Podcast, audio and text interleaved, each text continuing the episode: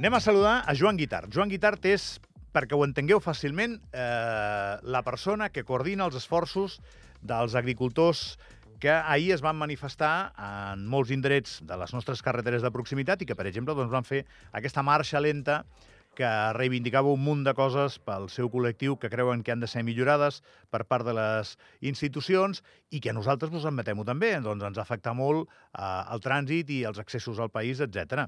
I el Joan Guitart porta un dia que no para de fer entrevistes i li agraïm moltíssim que ens en doni una a nosaltres. Hola, Joan, bon dia. Hola, bon dia. Quantes, quantes entrevistes porta, Joan?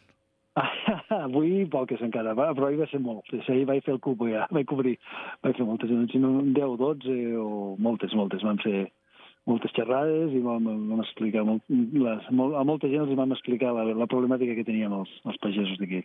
Joan, et sap greu que diguem qui ets, d'on ets, què fas, eh, a banda de ser el Bé. representant de, dels pagesos i agricultors? Jo sóc pagès, eh, tinc una granja de vaques, que estem munyint una granja de vaques familiar, i som socis de la cooperativa de la cooperativa Cadí, per tant, perquè fem perquè munyim, aquestes vaques són de munyir, i la llet la portem a la cooperativa Cadí de la Seu. I tu ets coordinador territorial de la Unió de Pagesos. Coordinador, sí, les comarques de muntanya de la Unió de Pagesos, sí, sí. Uh, estic veient aquí a internet de Castellà de Tost. Sí, Castella de Tots. Allà hi vius, allà guanyes la vida. Sí, ho intentem.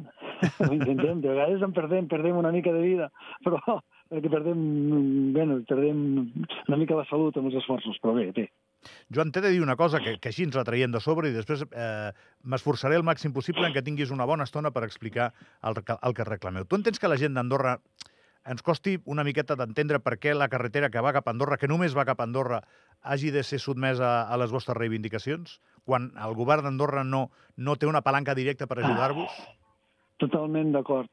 Però és quan venim a Andorra tenim un ració mediàtic que no l'aconseguim als altres llocs, sobretot a les comarques de muntanya. És a dir, quan venim aquí a la carretera d'Andorra i venim a molestar-vos a vosaltres, eh, d'una manera o altra aconseguim que els, els objectius que busquem. És a dir, nosaltres busquem que el, ens arribi totes les nostres protestes, totes les nostres reivindicacions arribin a, a, a tothom.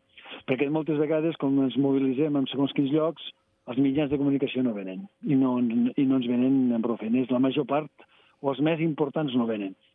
És a dir, venen els comarcals, venen els de, els de proximitat, però no venen els de TV3, els que tenen més ressò mediàtic.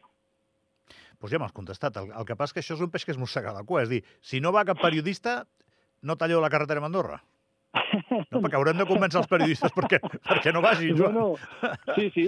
Si no la, si no l'hauríem grossa, no, no aconseguim els, els ressons mediàtics que busquem. És molt clar que moltes vegades ens, hem trobat, ens hi hem trobat amb això. Quan no ets, no ets molt contundent ni no en fas alguna de grossa, no aconseguim els objectius.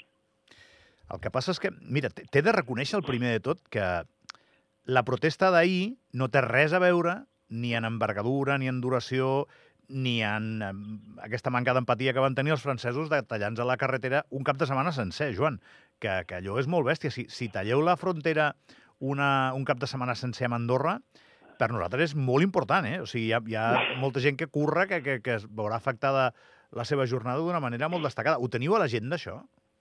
En som, no, de moment no. De moment no, i penso que els trets han d'anar cap a una altra direcció. A veure, nosaltres hem aconseguit ara eh, ens han d'unir una mica a, a, a aconseguir que Madrid faci la seva feina. És a dir, nosaltres de la Generalitat faran... El, hi ha uns, unes coses que es poden fer i que estan a les mans del Departament de- d'Agricultura, el Departament de... de bueno, l'últim departament ara que li posen el nom a, pues, eh, que els canvien cada dia de nom, que per més Henry ja no és Departament d'Agricultura, no? Eh, és a dir, que ara els pagesos ja no formen part d'un departament que no es diu ni Agricultura ni, ni, ni res de tot això. Bueno, No. uh, uh, uh, per recapitular, perquè vull dedicar-te una bona estona, vull dedicar una bona estona a les reivindicacions, Joan, vale? perquè, la, perquè la gent d'Andorra vegi que això no ho feu doncs perquè us ha agafat una ventada, sinó perquè realment teniu problemes. Però la, Sí. per recapitular, el que interessa també així com a titular inicial és no tenim a l'agenda tallar la frontera d'Andorra un cap de setmana. No, de moment no. De moment no. D'aquest de moment, com, com l'he de llegir? No, veure? no, a veure, que és una cosa que a mi no depèn de, de mi solament. Jo, com a Unió de Pagesos, puc dir de sortida que nosaltres no se'ns ha passat pel cap encara fer una cosa d'aquestes. Què passa? Que allí hi ha una, plata, hi ha una assemblea, hi ha una assemblea que no depèn ex- exclusivament de nosaltres i que hi ha molta gent cabrejada i hi ha molta gent que té ganes de fer més coses més grans. No sé quines... Clar, fer coses grans sense aconseguir els objectius és el que a mi em preocupa, no? Però bé, sembla que, tal com, sembla que s'ha de fer, si hem de fer com els francesos, posar fra, tan- tallar carreteres i cremar-ho tot per aconseguir els objectius, penso que els polítics haurien de donar compte eh? que no fa falta cremar-ho tot per aconseguir els objectius. És a dir, que potser ens han de posar les piles i començar a treballar de seguit, posar taules de negociació i començar a aquests objectius que tenim marcats de les coses que nosaltres demandem, pues, quines són possibles, quines no són tan possibles, quines es poden arreglar una mica, no sé. És una mica que tot no... no tot, de vegades no podrem aconseguir tot, però hem d'aconseguir una part d'aquestes coses perquè puguem tornar una mica a la normalitat. Han arribat dos missatges. Joan, el 36843, que a més et faran gràcia, eh? Diu, un diu, tota la solidaritat amb els pagesos, una andorrana. I diu, mal que ens pesi per les molèsties, no defalliu, sou necessaris. Ens diu un altre oient. Per tant, Joan, estàs triomfant. Et van a favor els, els missatges dels oients. Això, bueno, és d'agrair, és d'agrair. Bueno, jo crec que és difícil, és difícil no empatitzar amb la gent que ens dona de menjar. Uh, o sigui, ja t'ho dic ara mateix, per tothom. Vinga, anem a, anem a explicar bé als oients de Ràdio Nacional d'Andorra exactament de què us esteu queixant. Joan, quin és el problema principal que A teniu? veure, jo resumeixo, no, no em faig molt llarg, perquè quan toquem tantes tecles arriba un moment que ens perdem tots. No? Contra Jo- més sintetitzis, el- millor. Sí, ho sintetitzaré burocràcia. Tot el tema de paperassa, tot el tema de la feina que ens fan fer, nosaltres estem fent de pagès, eh, cuidem el bestiar, eh, cuidem els camps, arribem a casa i llavors ens han de sentar dues hores davant de l'ordenador, apuntar i, i escriure i on has posat els...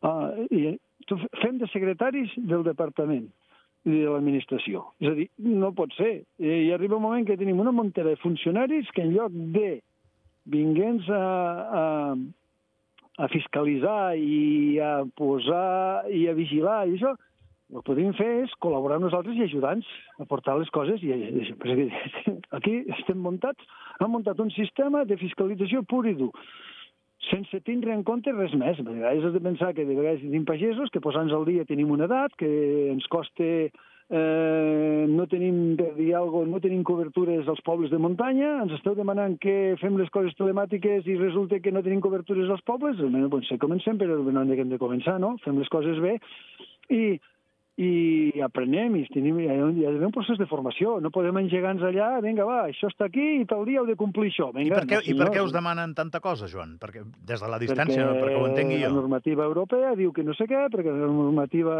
Clar, tot, està tot bé d'Europa sempre, no? I llavors arriba un moment que dius i aquí som més papistes que papa i ens llancem de seguit a la piscina de què s'ha de fer tot. Penso que de vegades hi ha d'haver un procés de formació i les coses s'han de fer d'una altra manera. Val, Això en eh, quant, a, en quant a burocràcia. després, no és només la burocràcia, tot i que aquest punt és molt important i arreu d'Europa Sí. ha passat igual. Què més us passa?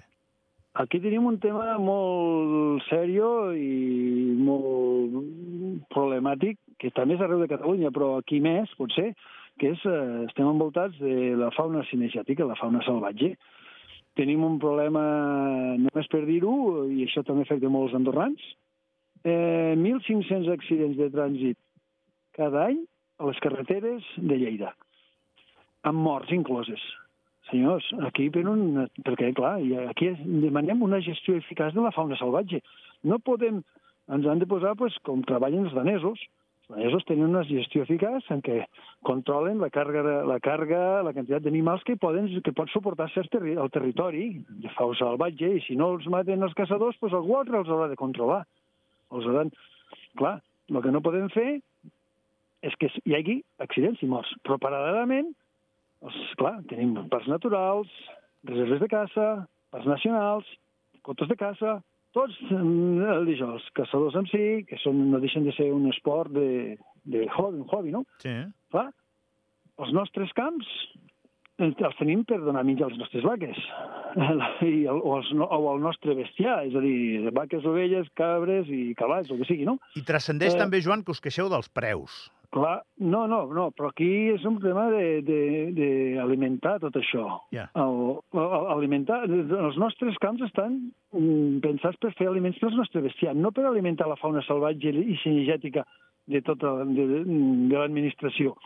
Clar, això és un, un problema molt important, eh? Sembla una tonteria, però és un problema. A part, paral·lelament, aquests, aquests animals que estan gestionant, que estan menjant els camps, ens porten ens, ens, ens porten en malalties, problemes sanitaris. És a dir, hi ha temes de tuberculosis, brucel·losi i d'altres malalties que es transmeten via fauna salvatge, perquè nosaltres sanegem els animals, els tenim cada dia controlats, fem, um, fem les, els controls anuals de treure sang a tots els animals per veure com estan sanitàriament, i ara resulta que els tenim barrejats amb tota la fauna salvatge que després tenim uns problemes serios de sanitaris.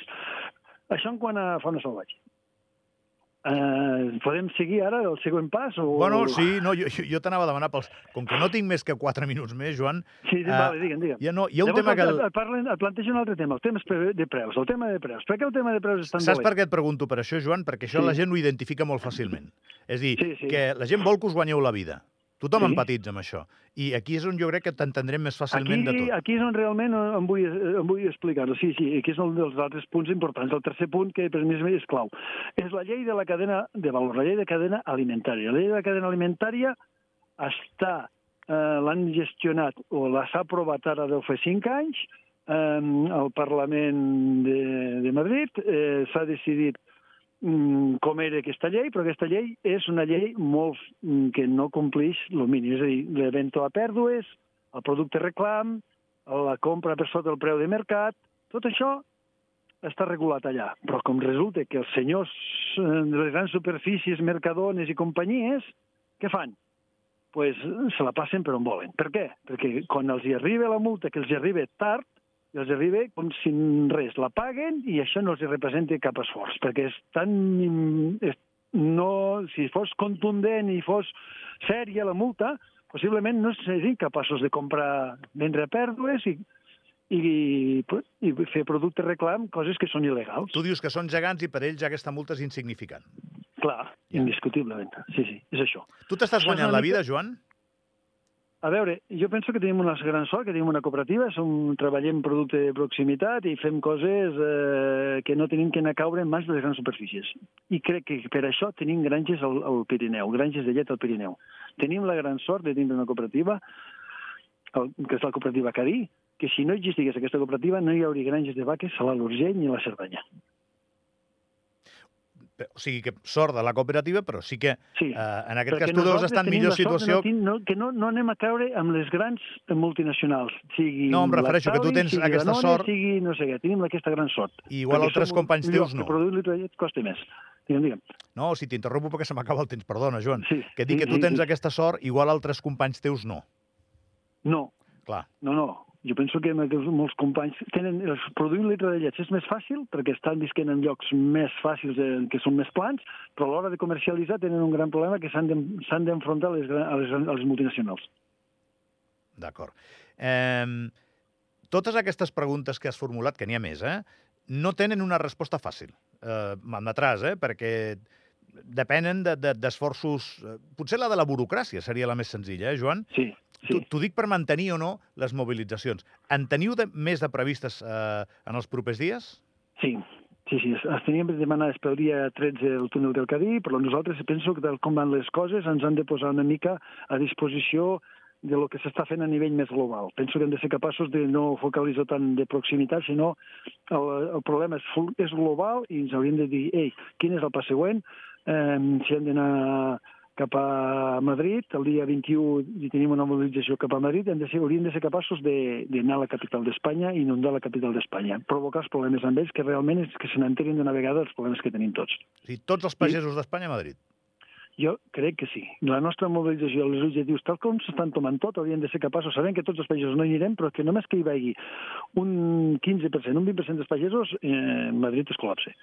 I aquí és on realment hauríem de ser capaços. Jo ho veig una cosa molt personal, però penso que eh, ho tenim com a Unió Pagès, ho tenim plantejat ja pel dia 23, em sembla, pel dia 21, perdó, el dia 21 de, de febrer, d'anar a Madrid, però penso que ara toca i tothom que es volgués unir farà una, farà una feina molt important per fer creure o perquè ells eh, comencessin a entendre la nostra problemàtica. Joan, una abraçada molt gran, gràcies per atendre'ns i, i que vagi molt bé. Ja, ja te la faré l'abraçada en persona quan et vegi. Moltes gràcies. Que vagi molt bé. Eh? Joan Guitart, el representant a l'Alt Urgell dels, dels pagesos i de la persona que ha donat la cara a aquestes últimes hores per explicar el, la situació de les manifestacions.